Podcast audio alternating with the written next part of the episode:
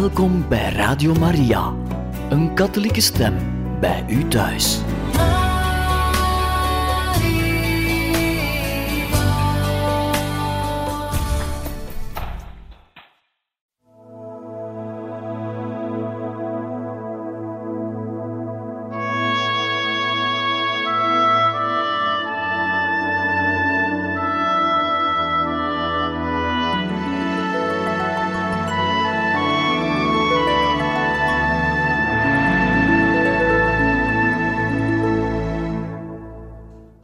Vrienden, beste luisteraars van Radio Maria.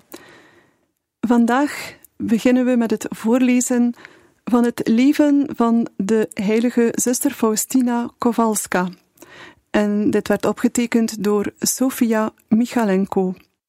En ik begin bij de inleiding. Steeds wanneer de mensheid door een crisis van geestelijke, sociale of politieke aard bedreigd wordt, heeft God in zijn barmhartigheid zieners doen opstaan die de mensen hulp bieden om de crisis te overleven of om er zelfs voordeel uit te halen. Hij heeft dit in de hele geschiedenis van de mensheid gedaan. We kunnen enkele van deze mensen voor de geest roepen: Franciscus van Assisi, Catharina van Siena, Jeanne d'Arc, Margaretha Maria Alacoque, Bernadette van Lourdes en Thérèse van Lisieux.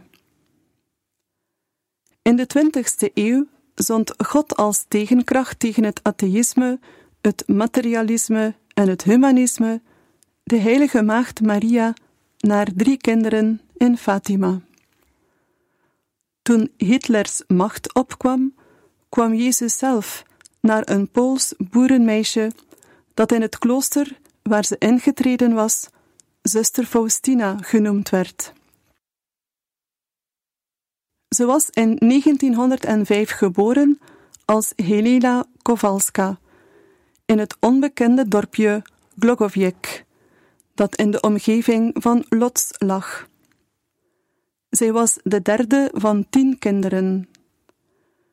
Zij beantwoordde aan de genade van God door op twintigjarige leeftijd in te treden in de congregatie van Ons Lieve Vrouw van Barmhartigheid te Warschau. Omdat zij geen ontwikkeling genoten had, vervulde zij gewone huishoudelijke taken in het klooster. Kokin, bakster, tuinierster en portierster. Terwijl ze in deze eenvoudige omstandigheden verkeerde, kreeg ze veelomvattende mystieke ervaringen. Deze ervaringen bleven zelfs aan de zusters die haar het meest nabij waren onbekend. Zij aanvaarde de uitnodiging van Jezus om zijn apostel en secretaresse te worden, om de mensheid de boodschap van het evangelie van Gods barmhartigheid opnieuw bekend te maken. In gehoorzaamheid aan haar geestelijk leidsman, aan haar oversten en aan Jezus zelf, begon Faustina in 1934 met het opschrijven van haar ervaringen.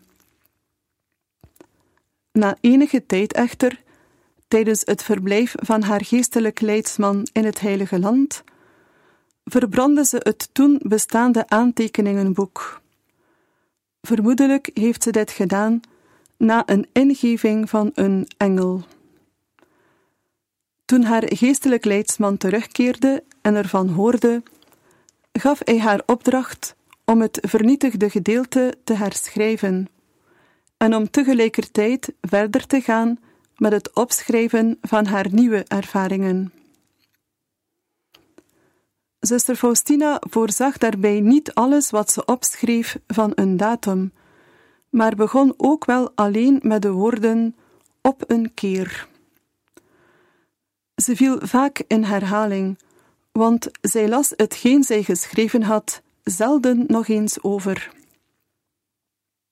De lezer van het dagboek, dat ongeveer 400 gedrukte bladzijden telt, zou daarom door het eindresultaat in verwarring gebracht kunnen worden.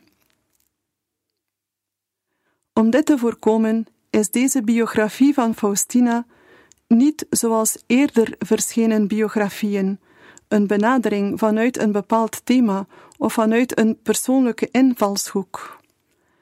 Deze biografie heeft een chronologische opzet. De auteur heeft de gedeelten uit het dagboek die het leven en de opdracht van Faustina het duidelijkst laten zien, zorgvuldig uitgezocht en, voor zover dat mogelijk was, opnieuw en in de juiste volgorde gerangschikt.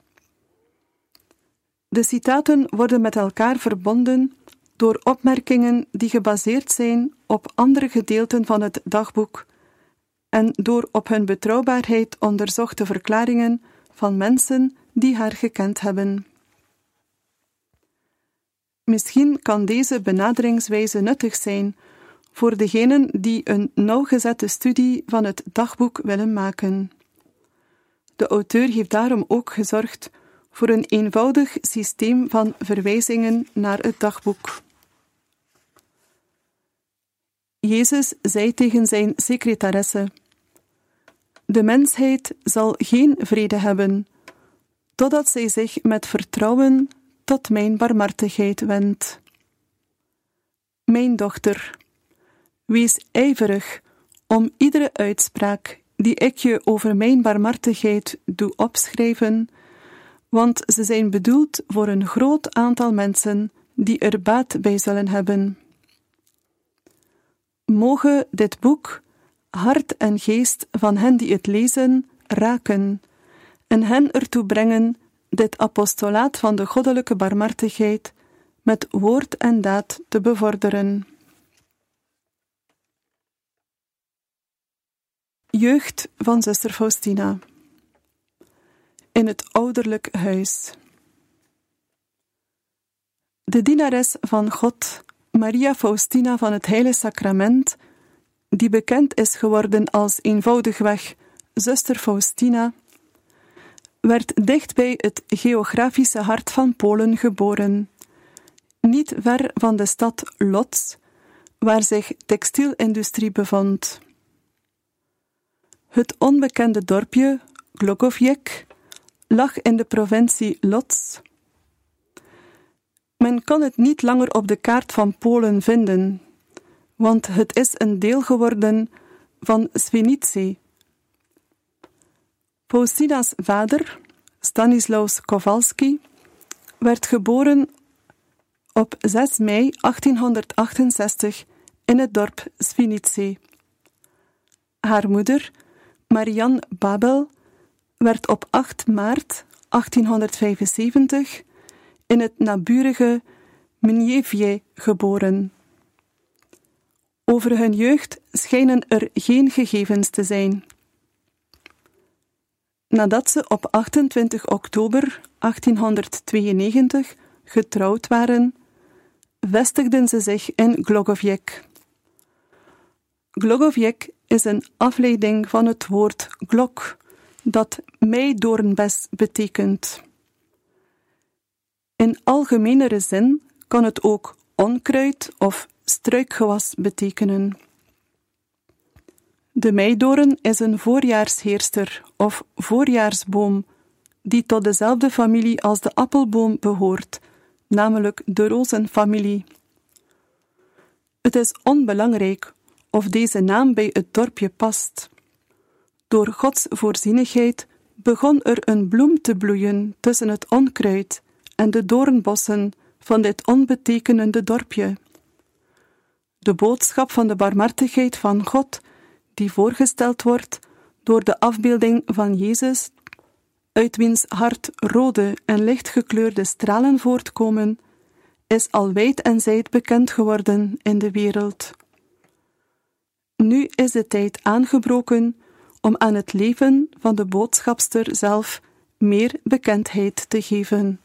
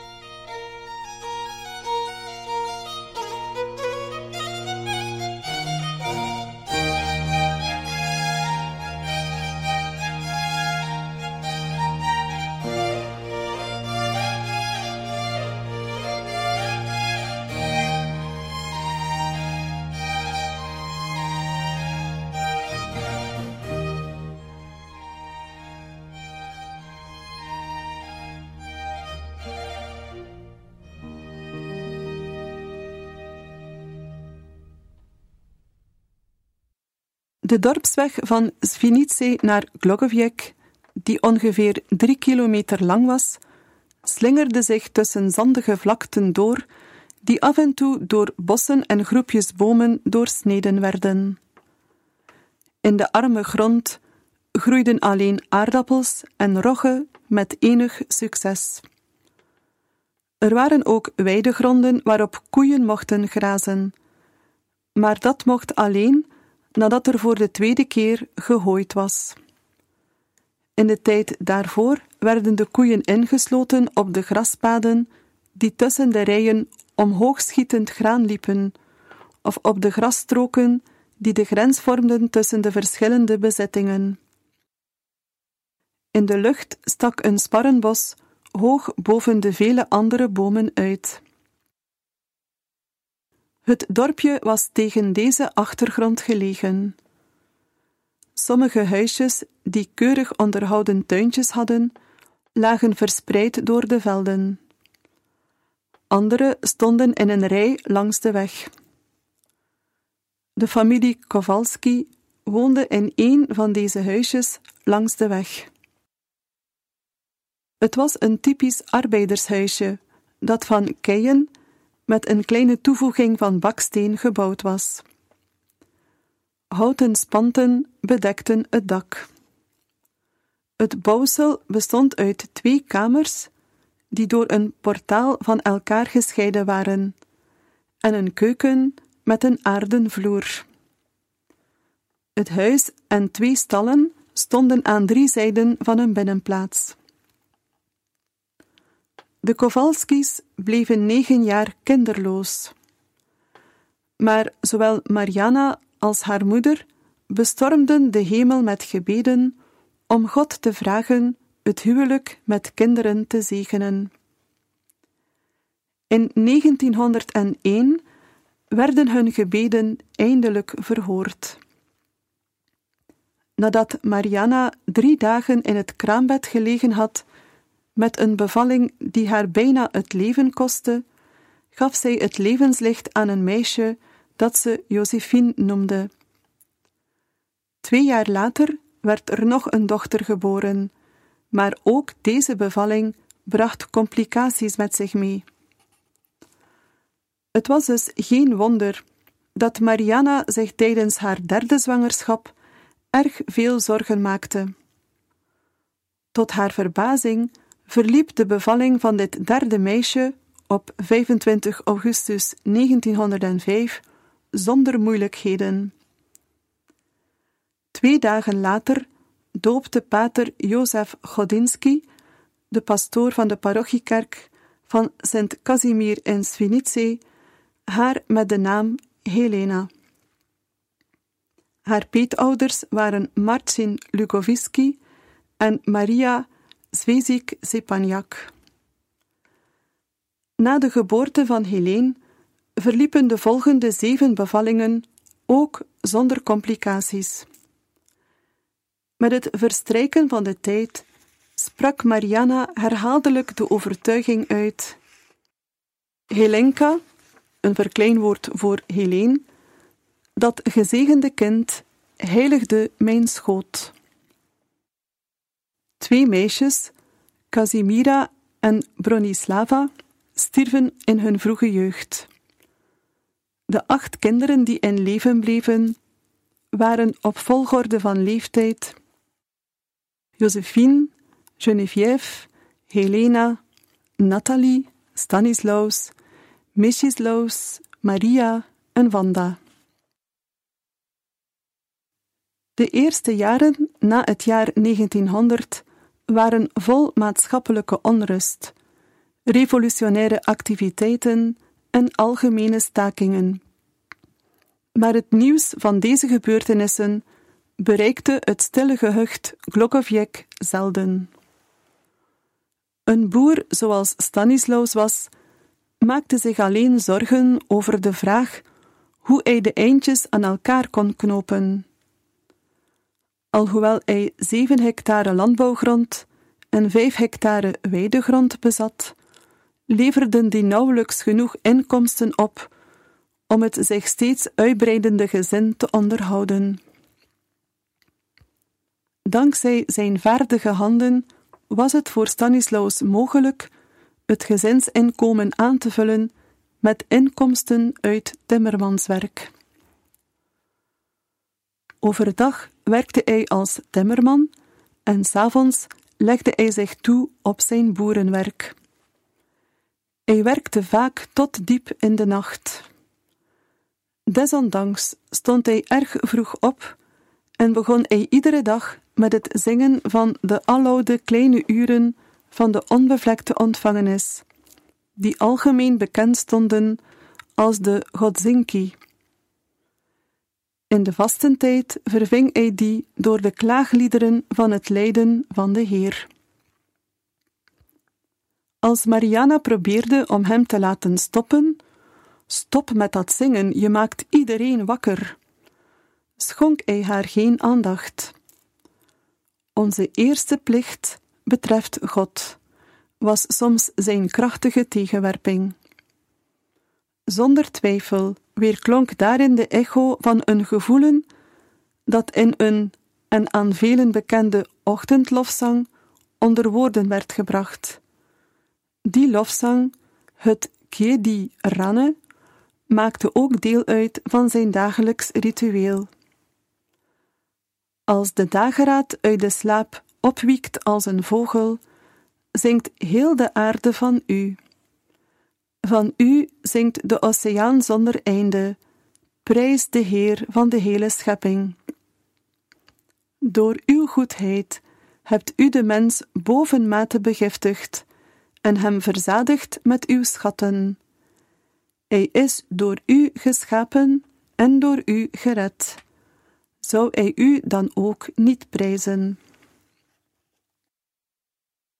Deze gewoonten kenmerkten het persoonlijk geloofsleven van Stanislaus. Zijn geloofsleven was eenvoudig, maar diepgaand. Hij verzuimde nooit de mis op zondag en op kerkelijke feestdagen bij te wonen. Zoals dat toen gebruikelijk was, ontving hij de heilige communie alleen met Pasen en met kerstmis, en misschien een paar keer op andere belangrijke feestdagen. Leeftijd hem er later van weer hield om naar de kerk te gaan, ging hij een horloge boven zijn bed, zodat hij in de geest kon deelnemen aan de mis die op zondag in de kerk werd opgedragen. In deze al eeuwenlang in Polen gebruikelijke stijl bestuurde Stanislaus zijn gezin. Hij deed alles in overeenstemming met de geboden van God en van de kerk.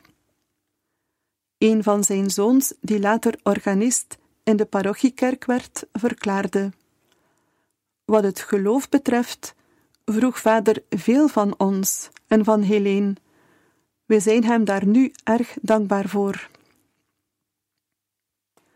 Wat het krijgen van straf aangaat, herinnerde zijn zoon Stanley zich er stevig van langs te hebben gehad, alsof hij een zware misdaad begaan had, toen hij als kleine jongen een armvol twijgen van een wilgeboom, die van de buren was, had afgebroken.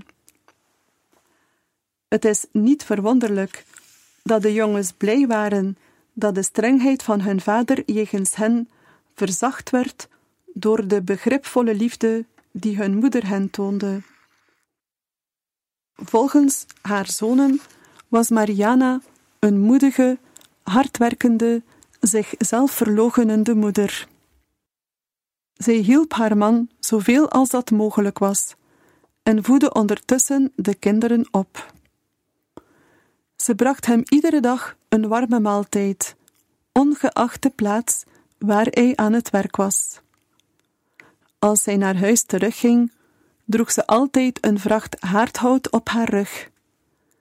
Zelfs als in de winter de sneeuw kniehoog lag, hield zij zich aan dezelfde gang van zaken. Zo brachten deze arme, niet ontwikkelde, maar oprechte ouders hun kinderen door hun woorden en hun voorbeeld liefde voor God, gehoorzaamheid en ijver bij. Heleens hele leven werd door deze deugden gekenmerkt.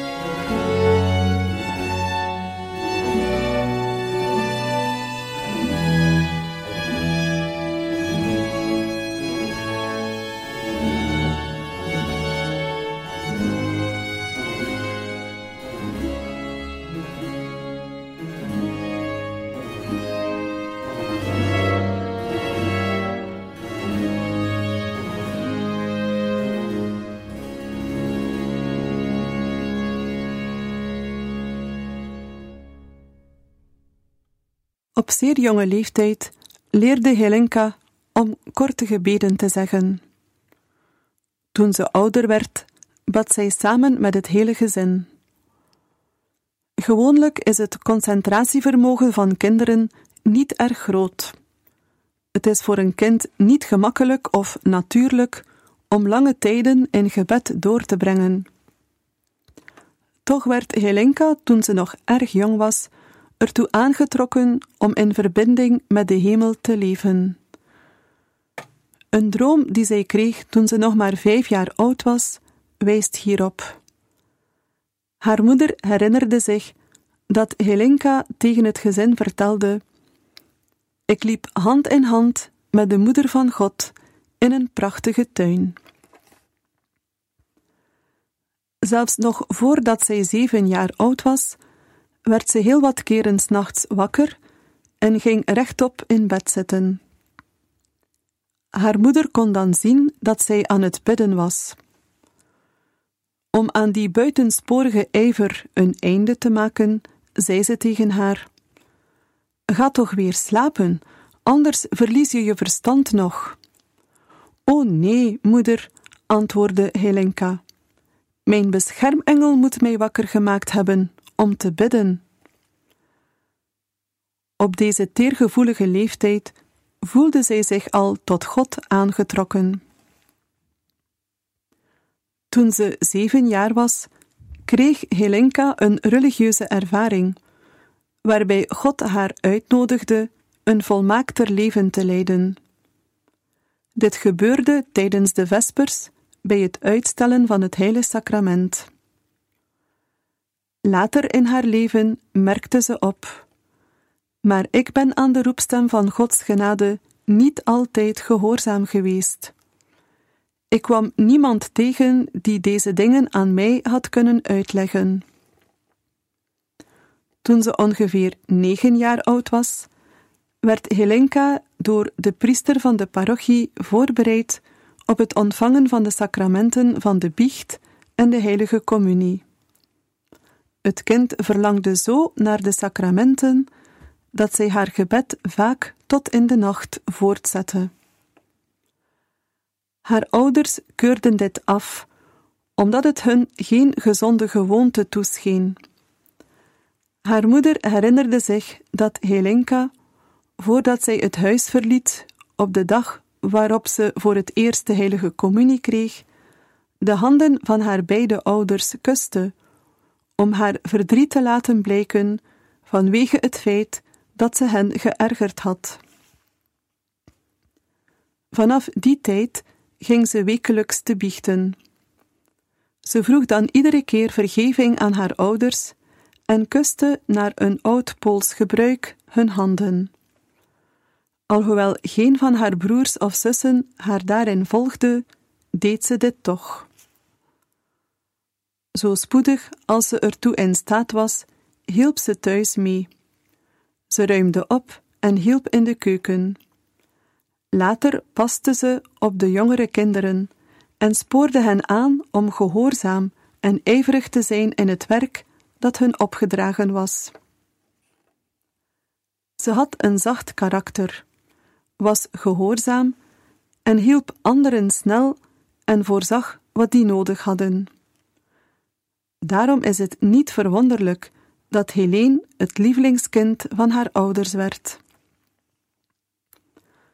Nadat Helene van de priester gehoord had wat haar godsdienstige plichten waren, vatte ze de heiliging van Gods dag ernstig op.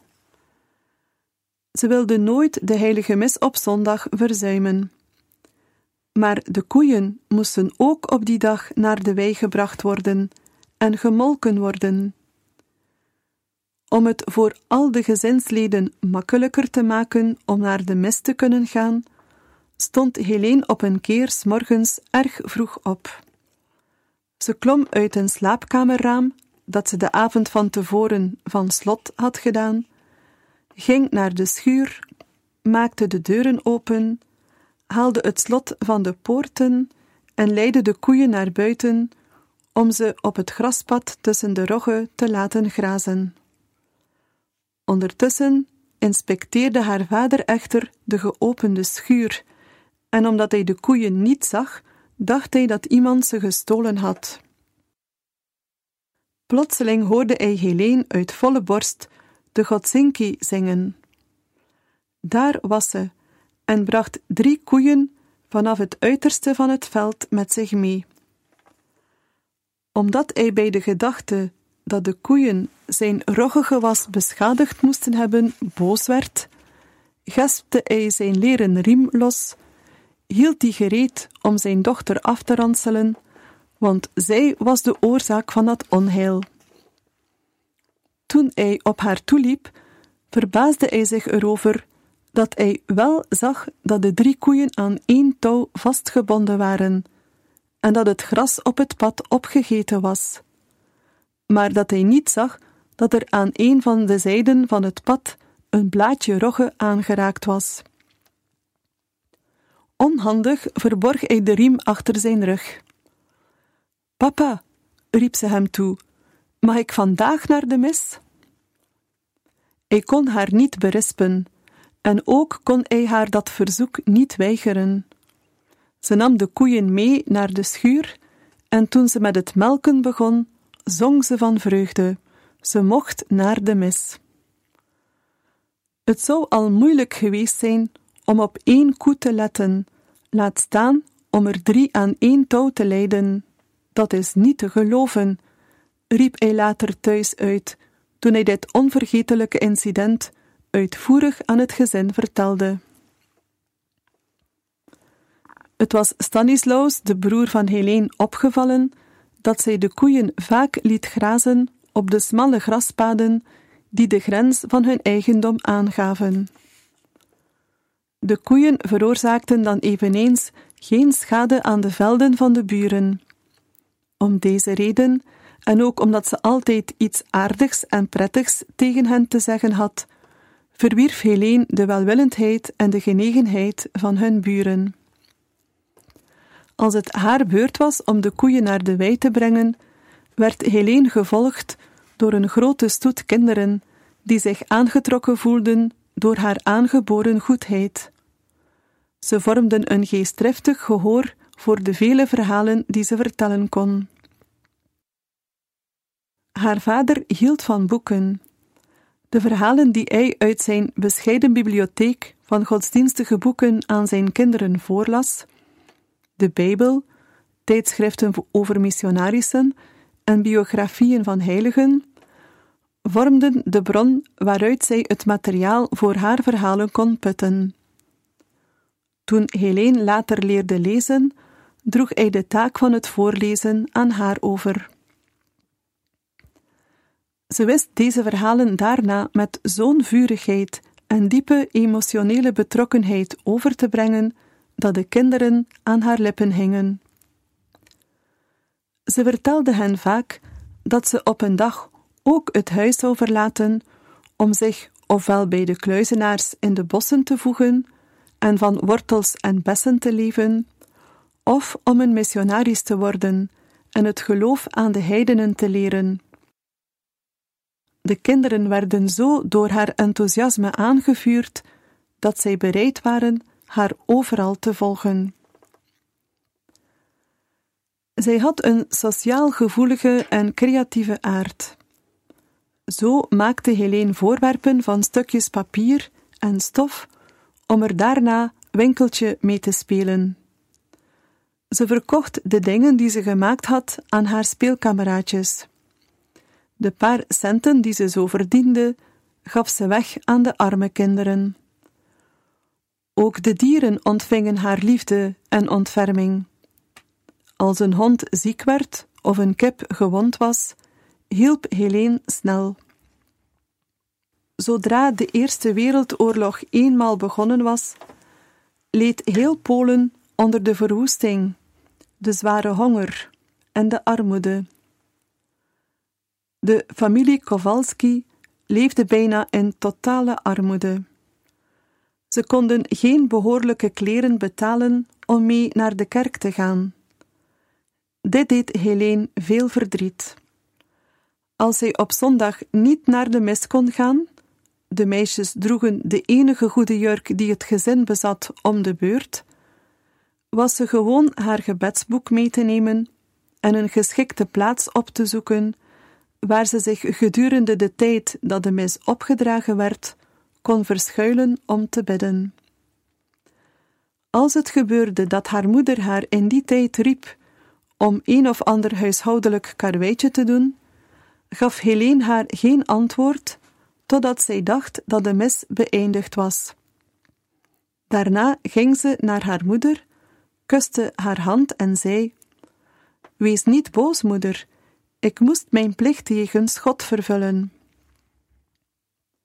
Volgens de documenten van de regionale districtschool ging Helene voor het eerst in 1917 in Swinice naar school.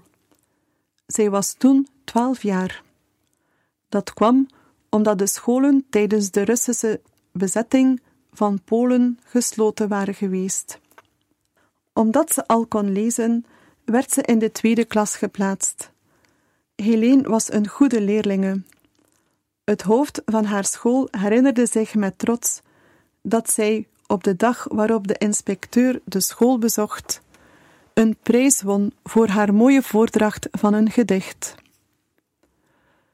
Ze volgde maar drie semesters, omdat alle oudere leerlingen in het voorjaar van 1919 van school af moesten.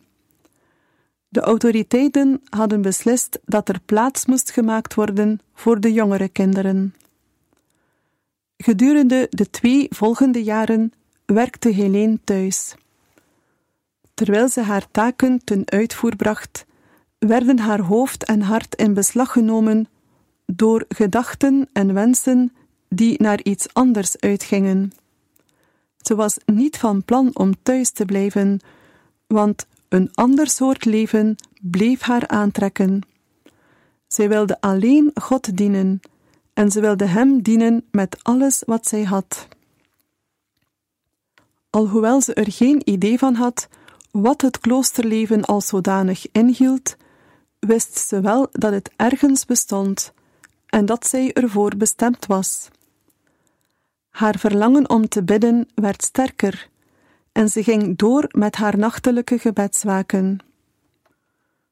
Toen ze haar ouders op een keer vertelde dat zij vaak vreemde, schitterende lichtverschijnselen zag, bevalen die haar ermee op te houden zich zulke dingen in te beelden en geen onzin te vertellen. Daarom sprak ze niet langer over haar buitengewone ervaringen, maar ze kon er niet mee ophouden erover na te denken. Slechts één keer maakte Helene haar vader verdrietig en boos. Zij was toen veertien. Haar oudste zus, Josephine, was uitgenodigd op een feestje in Swinice, dat door een paar herenboeren betaald werd. Omdat de heer Kowalski erg voorzichtig was met het aangaan van sociale contacten, zei hij tegen Helene dat ze haar zus moest vergezellen. Het was al na middernacht toen de beide zussen naar huis terugkeerden met een van de jonge herenboeren. De oom van Helene zag hen en vertelde dat aan hun vader. Hij gaf hen een wat overdreven verslag van wat hij gezien had. De heer Kowalski werd woedend en berispte beide dochters ernstig. Hij gaf ze erg veel straf vanwege de schande die ze op hem geladen hadden door tot zo laat weg te blijven. Ze probeerden vergeefs om het uit te leggen. Helene kon niet vergeten dat haar vader gedwongen was om zijn lievelingsdochter op deze manier te behandelen. Dit verdriet dat ik hem veroorzaakt heb, moet ik honderdvoudig goed maken door hem eer te brengen in plaats van schande, besloot ze. Beste luisteraars van Radio Maria, wij beëindigen hier voor vandaag het voorlezen uit het leven van de heilige zuster Faustina. Wij danken u voor het luisteren en graag tot volgende keer.